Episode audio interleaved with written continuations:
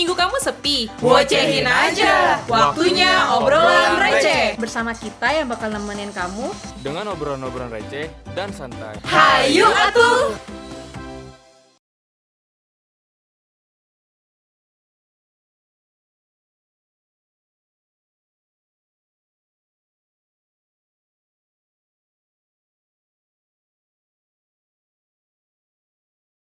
Selamat pagi, siang, sore, atau malam para pendengar. Balik lagi dalam obrolan Oce.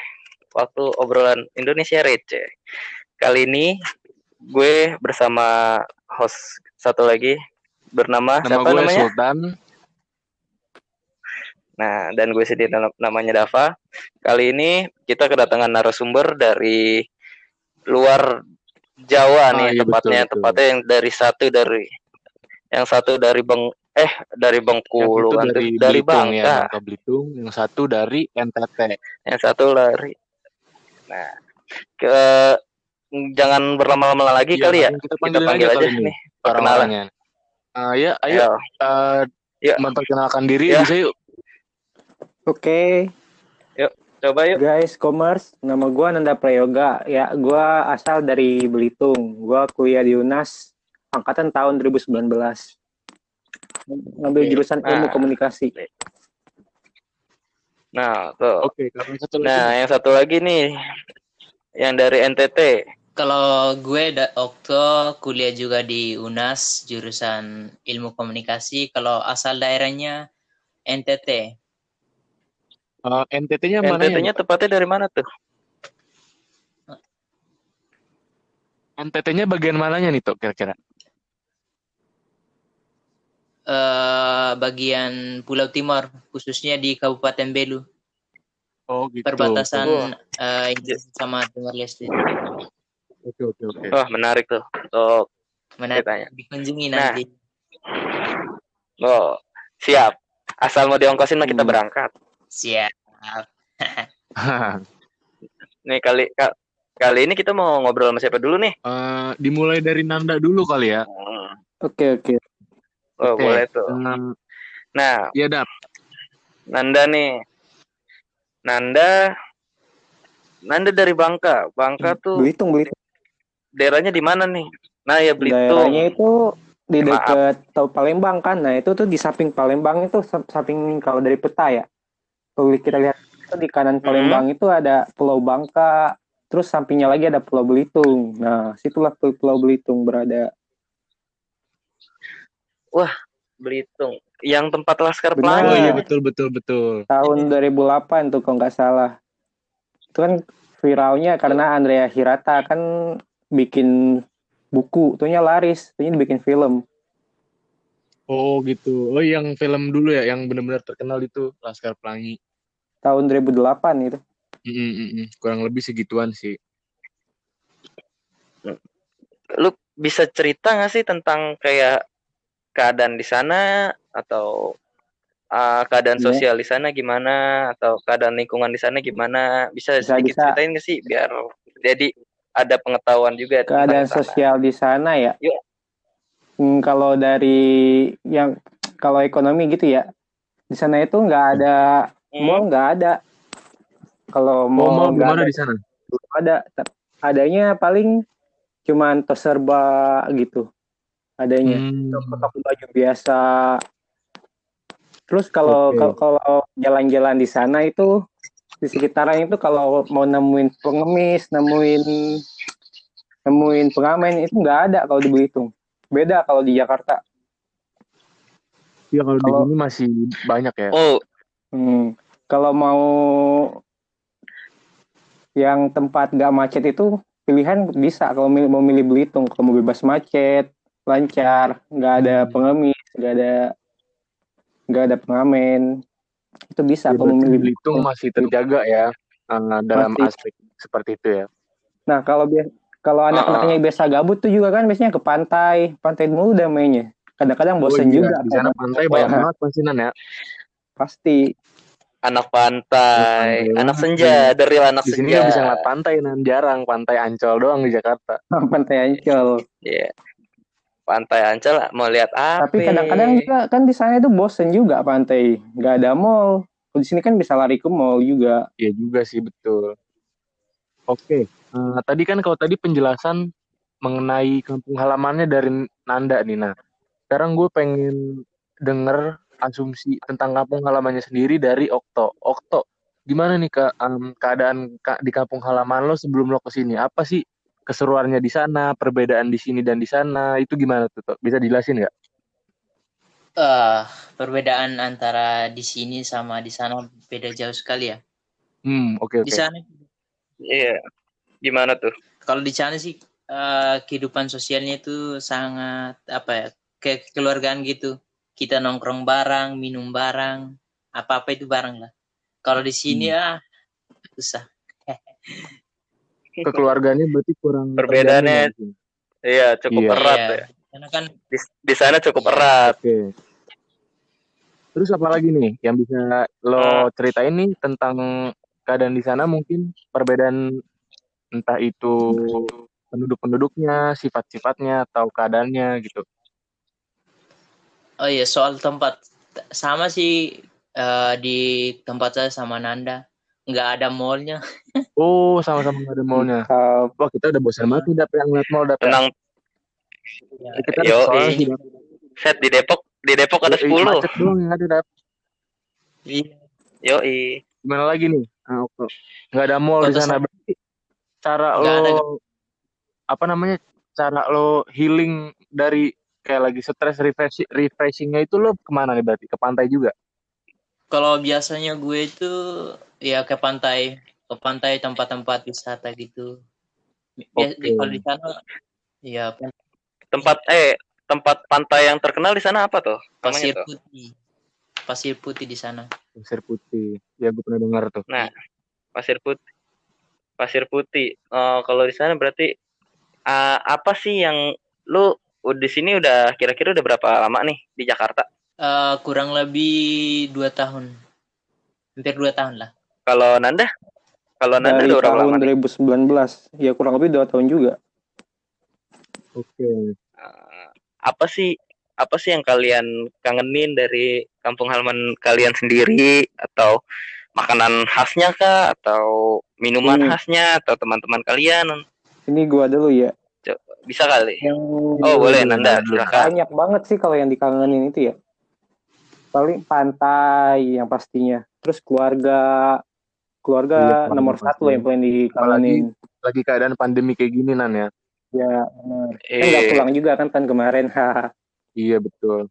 Terus terus. iya Terus kan pantai kalau di sini nih susah kalau mau ke pantai itu menurut gua. Paling ke Ancol Iya. kan bisanya. Paling itu doang pilihannya. Terus makanannya juga beda beda banget. Kalau di sini nih mm-mm. kalau di Plaza Seafood di Belitung sama di Jakarta ini menurut aku beda banget menurut gua.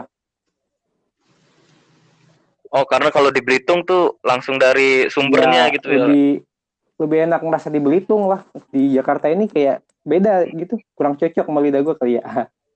Iya mungkin ya. Eh, udah biasa makan seafood ya nah kalau Okto nih gimana Eh, yang paling pertama itu dikangen itu keluarga ya keluarga itu sangat rindu sekali apalagi sekarang udah dua tahun gak ketemu paling ketemunya paling lewat video call gitulah Oke. yang kedua itu ya yang kedua itu teman-teman nongkrongan lah di sana Tapi ah, masih sering Teman-teman ngobrol sama teman-teman di sana toh.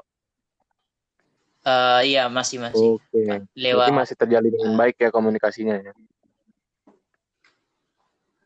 Kalau soal makanan sih beda jauh sekali ya di sini antara di sini sama di sana kalau di sana makanannya dari eh, masih Sagu. dari sagu apa Iya. gimana jagung bose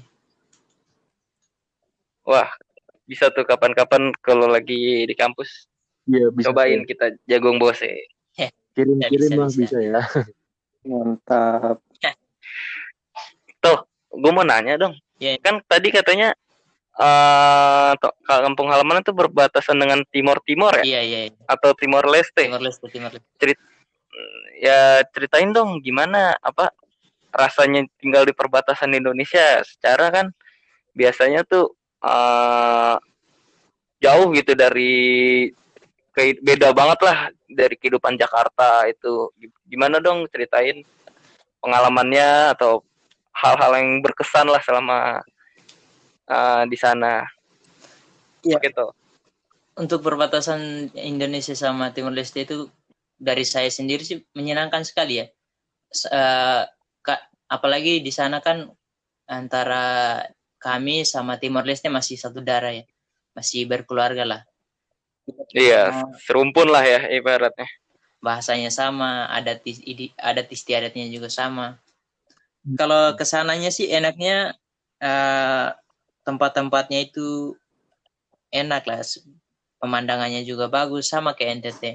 Iya betul. Tapi yang membedakan itu mata uangnya, mata uangnya kan di sana pakai dolar ya. Kita di sini rupiah. Kalau ditukar, oh ya. Kalau kita ke sana tukar lagi dolar mahal. Berarti kalau misalnya Jadi ke agak sana sulit. harus pakai paspor Iya. gitu toh. ya pakai paspor. Hmm. Ribet juga ya ternyata Singapura Iya. Gitu dah pakai paspor. iya kalau untuk barang-barang kebutuhan sehari-hari gimana tuh atau dapat supply dari misal dari Pulau Jawa kah yang lebih terdekat atau mendapat supply dari Timor Timor gimana Eh, kalau barang-barang sih dari Timor Leste kebanyakan dari Indonesia barang-barangnya. Jadi kalau kita The, oh Impor di ya? Timur Leste-nya kebanyakan barang Indonesia ya banyak barang Indonesia. Oke, menarik nih. Kalau kita ke sana sih kita mudah adaptasi sih dengan di sana. Kan di sini pakai barang di sana kan pakai barang-barang Indonesia semua. Jadi ke sana aman-aman aja lah. oh Oh ya nih fun fact nih ya, buat warga Kalau Indonesia kita juga harus bangga nih produk kita dipakai sama uh, Timor Leste. Iya, negara negara Iya, tetangga yoi. Terjalin erat nih ya eh, persaudaraan antara tetanggaan negara tetanggaan gitu.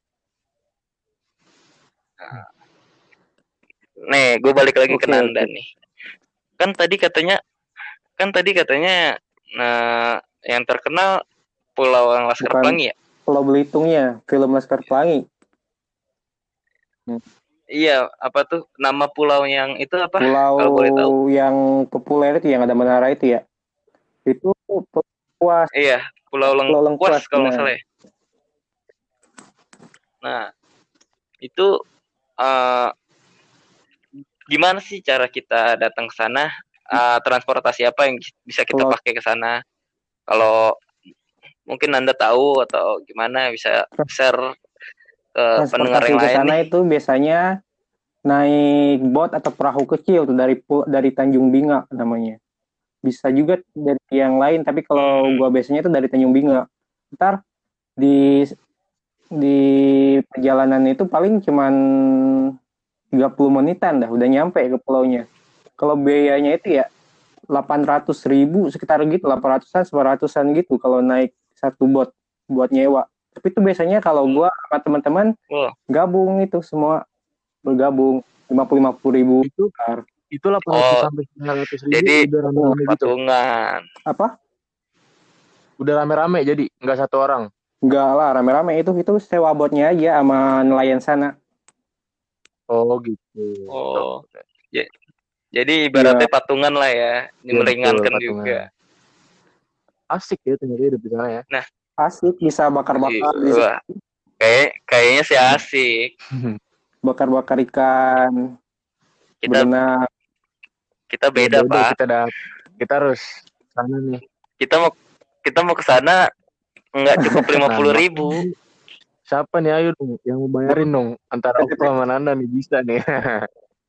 bareng-bareng Nah, kita open endorse Iya, juga. ntar yang mau kerjasama ah, langsung aja email ah. buat di sana. PC, Itu NTT PC, Japri, Japri, Japri, Japri.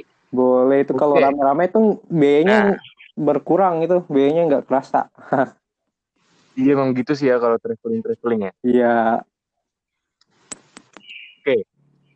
Nah, Eh, habis pertanyaan-pertanyaan yang dasar-dasar kita pengen ke pertanyaan yang lebih serius lebih serius lagi nih. waduh Dimulai dari Okto dulu nih. nah, Okto, apa sih yang membuat lo nih, oh, yang membuat lo ngambil keputusan kuliah di Jakarta?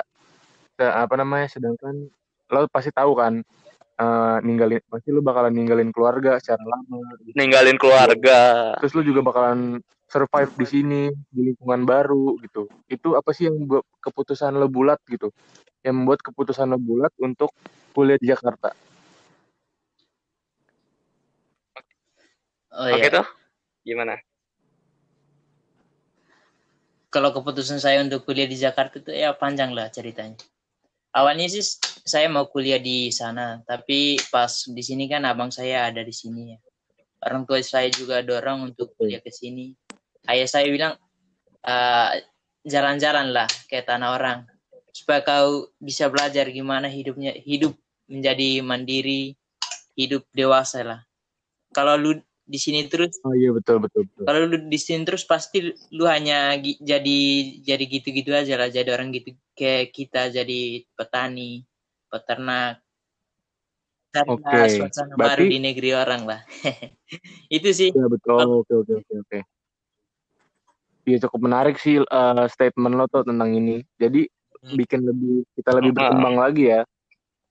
Iya. Iya nih. Kalau untuk kalau untuk Nanda Kalau- gimana nih? Apa sih yang membuat keputusan ngambil kuliah di Jakarta secara dari Belitung tuh jauh Hmm. ya kan? Di ke Jakarta. alasan pertama aku gua paling ya hmm, di Belitung itu nggak ada universitas buat S1 di situ Hmm, paling kalau mau mau sekolah S1 kalau nggak di Bangka di Palembang atau nggak Jakarta ini kenapa gua milih Jakarta ya karena gua ini pengen pengen terjun di ibu kota langsung pengen ngerasain gimana hidupnya di sini ini gimana cara survive di sini ini gimana Hmm, lebih banyak belajar juga sih kalau menurut gua kalau di Jakarta Iya, ini betul, betul. Tapi hmm, Jakarta jadi cukup luas ya kayak gitu. kan. hmm, Heeh. Kalau kalau menurut gue jadi yang mereka maksud dari omongan mereka carilah pengalaman di Iya.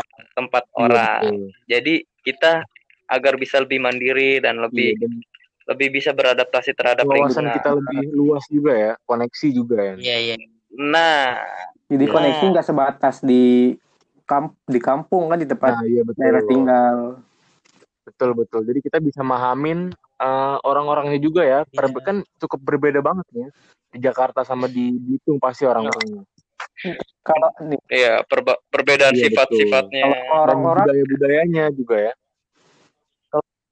Iya betul. kalau gue pribadi kalau mah jujur sih ya kalau sampai sekarang gue ini kayak agak jaga jarak sama orang-orang Jakarta kan keras gitu Wah, Nah, Nah, apa tuh? nggak seluas sama orang Belitung oh Wah. gitu Masih banyak orang Jakarta yang berhati Hello Kitty, berarti lo tenang. masih Benar. adaptasi nih ya Nan Tampang tapi tam- tampang boleh security, hati Hello Kitty. tapi se udah udah hampir dua tahun ini nemu juga sih mah yang baiknya nggak semua yang digituin kalau di Belitung itu ya orang-orang Jakarta ini katanya katanya orang-orangnya itu apatis pada nggak peduli sama sekitar. Tapi setelah terjun di sini ternyata nggak kayak gitu juga. Banyak banget juga yang peduli sama sama tetangganya sama sosial sekitar gitu. sosialnya iya. Ya kalau di Belitung itu. Malah Yogyakarta yang lu kuliah di Jakarta di Yogyakarta aja. Di situ tuh tetangganya pasti peduli-peduli care-care sama lu. Ini kalau Jakarta itu apatis-apatis ntar kalau lu sakit gak ada yang ngerawat. Nah gitu kalau kata kata orang Belitung yang gue simpul Hmm, sebenarnya tergantung sifat masing-masing sih ya. Masing-masing orang Iya. juga ya. tergantung sifat juga sih. Banyak orang yang udah yang tinggal di Jakarta udah lama tapi dia bukan asli Jakarta tapi eh, dia punya nilai sosial yang tinggi di Jakarta gitu dan jadi orang juga di Jakarta Nah, kalau untuk Nanda, eh, gimana sih cara bisa bertahan nih di pandemi COVID-19 saat ini kan katanya belum sempat pulang juga tuh ke Bangka. betul. Gimana sih cara biar tetap eh, tetap semangat ngejalaninnya atau tetap uh, tetap pede lah untuk ngejalanin supaya pandemi ini cepat berakhir dan bisa berkumpul lagi bersama keluarganya gimana Kalau secara ekonomi, kalau makan-makan kan gampang karena udah dikirimin nama orang tua kan uang. Tapi kalau buat mental supaya tetap ada, buat tetap semangat, paling mikirin kuliah, mikirin tujuan utama di sini nih apa? Ingin belajar. Oh iya betul betul betul betul. Iya betul. Mm-mm. Jadi kan jadi uh, tetap mikirin tujuan utama uh, kal- kalian datang ke Nah. Jakarta ya untuk mencari pengalaman dan mencari sampai ilmu. sekarang alham- alhamdulillah kalau mikirin tujuan utama itu jadi semangat lagi, semangat untuk mengarungi hidup lagi di Jakarta. Iya Jadi nggak semangat kalau lagi down. ya. Kalau lagi down Hmm. ya. Betul. Nah, kita balik lagi nih ke Iya, boleh, nih. boleh. Iya. Siap, siap. Oh, gimana nih? Gimana nih cara untuk bisa bertahan di pandemi COVID-19 yang secara kan jauh dari ti- dari timur timur nih? Eh, bertahan gimana sih untuk tetap semangat, tetap eh, tetap fine fine aja ngejalanin Iya, walaupun jauh dari keluarga ya. Eh, kalau dari gue sendiri ya, Iya tuh. yang hal pertama itu harus hemat lah, hemat uang. Kan di situ situasi saat Hmm. ini kan orang tua juga lagi susah ya, eh, cari uangnya gimana. Iya pasti. Kita sebagai Iya. anak rantau juga harus ya manajemen uang lah, atur-atur uang gimana, makannya gimana, transportasinya gimana. Harus dewasa lah berpikir dewasa. Iya betul. Dan ya, Harus pandai-pandai menghemat itu lah ya. kalau di masa pandemi ini sebagai anak rantau juga ya tetap di rumah jaga kesehatan Iya. eh, pakai masker dan lain sebagainya lah yang kesehatan Nah, Itu penting banget tuh tuh ya. untuk para para untuk para pendengar yang lain juga Di mana pun kalian wajib berada ya. tuh untuk menjalan menjalankan Satu protokol lagi, 3E. buat anak, Iya anak betul. perantau itu jangan mikirin pacar lah yang lagi LDR Mi- mikirin mas Benar itu. Oh, iya tuh. Itu pesan dari Okto tuh ya. Bagus, bagus, Ah. bagus, bagus. Oh, kayaknya waktu Iya, bener beneran iya. LDR nih. untuk para pendengar wanita, mohon maaf, Okto sudah mempunyai pasangan. Kalau untuk Nanda gimana? Oh iya, Nanda gimana nih Nan? Pesan Eh, apa namanya? Buat pendengarnya nih yang mau ngerantau.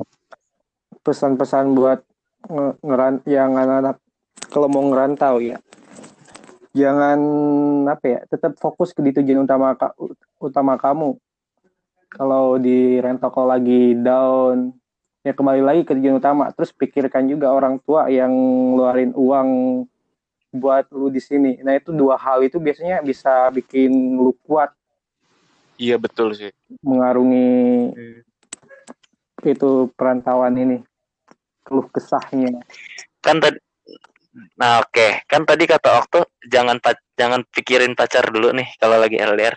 Kalau Nanda gimana nih? Eh, punya pasangan nggak? Gimana ya belum gue mah nggak ada jadi nggak mikirin itu Oke. Oke.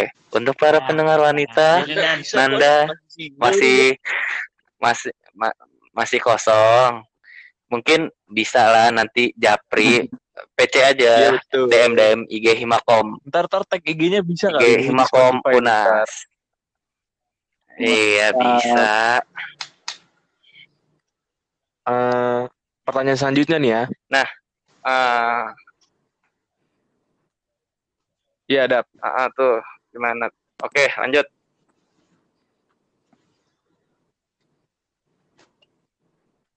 Eh, apa namanya? Buat Oke. nih sama Nanda, apa namanya? Milih jurusan sama-sama milih jurusan ilmu komunikasi ya di. Nah, kenapa sih alasan kalian tuh milih jurusan atau prodi ilmu komunikasi gitu? dari saya dulu ya Dimulai dari Eh, yang pertama itu kenapa saya milih jurusan ilmu komunikasi yang pertama itu saya ingin ja- menjadi seorang jurnalistik ya karena menurut saya itu jadi jurnalistik itu kita Oke. bebas ya. Kita bisa mencari, mendapatkan informasi di mana saja dan kapan saja. Eh, dengan informasi yang kita dapat itu bisa juga mendap- eh, menambah wawasan kita. Dan saya suka dari Hmm, ilmu komunikasi itu eh, informasi yang kita sampaikan itu bisa memberi edukasi lah ke pembaca atau pendengar gitulah menurut saya. Oke. Kalau untuk Nanda gimana nih? Pertanyaan tadi. Tujuan Tadi. utama gue emang di sini nih pengen masuk ilmu komunikasi jurnalistik. Sebenarnya dari SMP gue itu pengen jadi jurnalis. Tapi waktu waktu Wah. SMK itu kan nggak ada jurusan yang menuju ke sana di Belitung. Jadi terpaksa milihnya akuntansi. Oke. Nah, karena kan emang kalau kadang-kadang tuh suka baca berita, kalau ada yang ada yang pengen ditulis ya ditulis. Kadang-kadang emang suka kayak gitu dari dulu. Jadi cocok mau dalemin lagi jurnalistik. Pengen jadi kayak Najwa Shihab Ya. juga. Ah, Wah, jadi mau jadi jurnalis yang handal lah Iya. ibaratnya ya. Bisa jadi anggota pers. iya. Nah, dan tetapi kalau dari jadi jurnalis uh, masukan dari gue tetaplah jadi jurnalis yang jujur dan membuat berita tentang yang kejadian nyata, fakta dan aktual. Benar. Jangan bikin berita ngada-ngada atau berita hoax. Iya, betul. Kan sekarang banyak nih berita hoax. Iya. Iya. Sekarang banyak nih berita hoax uh, yang ada di media-media sekarang. Jadi untuk para anak-anak komunikasi yang ngambil jurusan jurnalis, semoga ke depannya bisa jadi jurnalis yang hebat dan jurnalis yang tetap jujur memberitakan apa yang informasi yang ada. Amin. Kalau dari Sultan gimana kalau nih? buat masukannya? gue kalau buat dari gue buat orang-orang yang pengen ngambil jurnalis ya kurang lebih sama kayak Dapa dan yang terpenting eh, pilihlah pekerjaan atau jurusan atau apa pun itu sesuai dengan kemauan kalian dan harus tekunin serta kon- harus konsisten juga kalau misalkan udah milih sesuatu itu jangan tiba-tiba di tengah jalan merasa nggak cocok atau gimana langsung berhenti gitu aja langsung putus asa pokoknya konsisten benar kata Okto sama Nanda tadi kembali ke tujuan awal ingat orang tua yang ngebiayain kuliah pokoknya eh, fokus buat apa yang dituju buat di masa depan gitu aja sih kalau dari gua Oke. Nah, nggak berasa nih kita udah iya udah Lumayan hampir lama 30 nih kita ya, ngobrol. kurang lebih Nah, jadi iya nih. Jadi mohon maaf banget nih Nanda sama Okto harus Iya sampai betul. di sini Oke, aja tapi ngobrolnya. sebelum kita akhiri nih semuanya nih, eh gue pengen nanya nih sama Okto sama Nanda, kesan dan pesan untuk anak-anak yang pengen ngerantau dan ngerasa jauh, belum bisa ngerasa jauh dari orang tua, dari mungkin pasangan, teman-teman di kampung halaman, gimana nih i- dari kalian?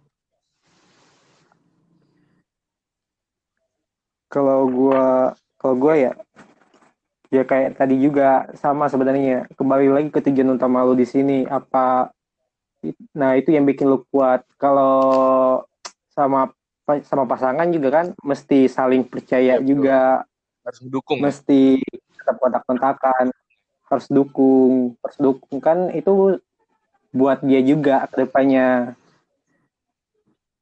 buat masa Oke. depan juga kan Eh, kalau Okto nih, apa nih pesanan-pesannya nih? Eh, kalau saya sama sih kayak Nanda. Eh, kalau mau rantau harus pegang teguh sama tujuan awal ke sini.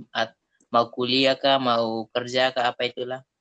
Supaya eh, Oke. apa yang sudah diamanatkan orang tua di sana ya, sudah membiayai eh, ki- eh, kita sebagai anak rantau ke sini nggak sia-sia lah. Iya betul. Jadilah anak rantau Harus yang ini, berguna bagi orang tua. Jadilah anak rantau harus, harus. mempunyai tujuan ya, jelas lah. Pes- Oke, terima kasih.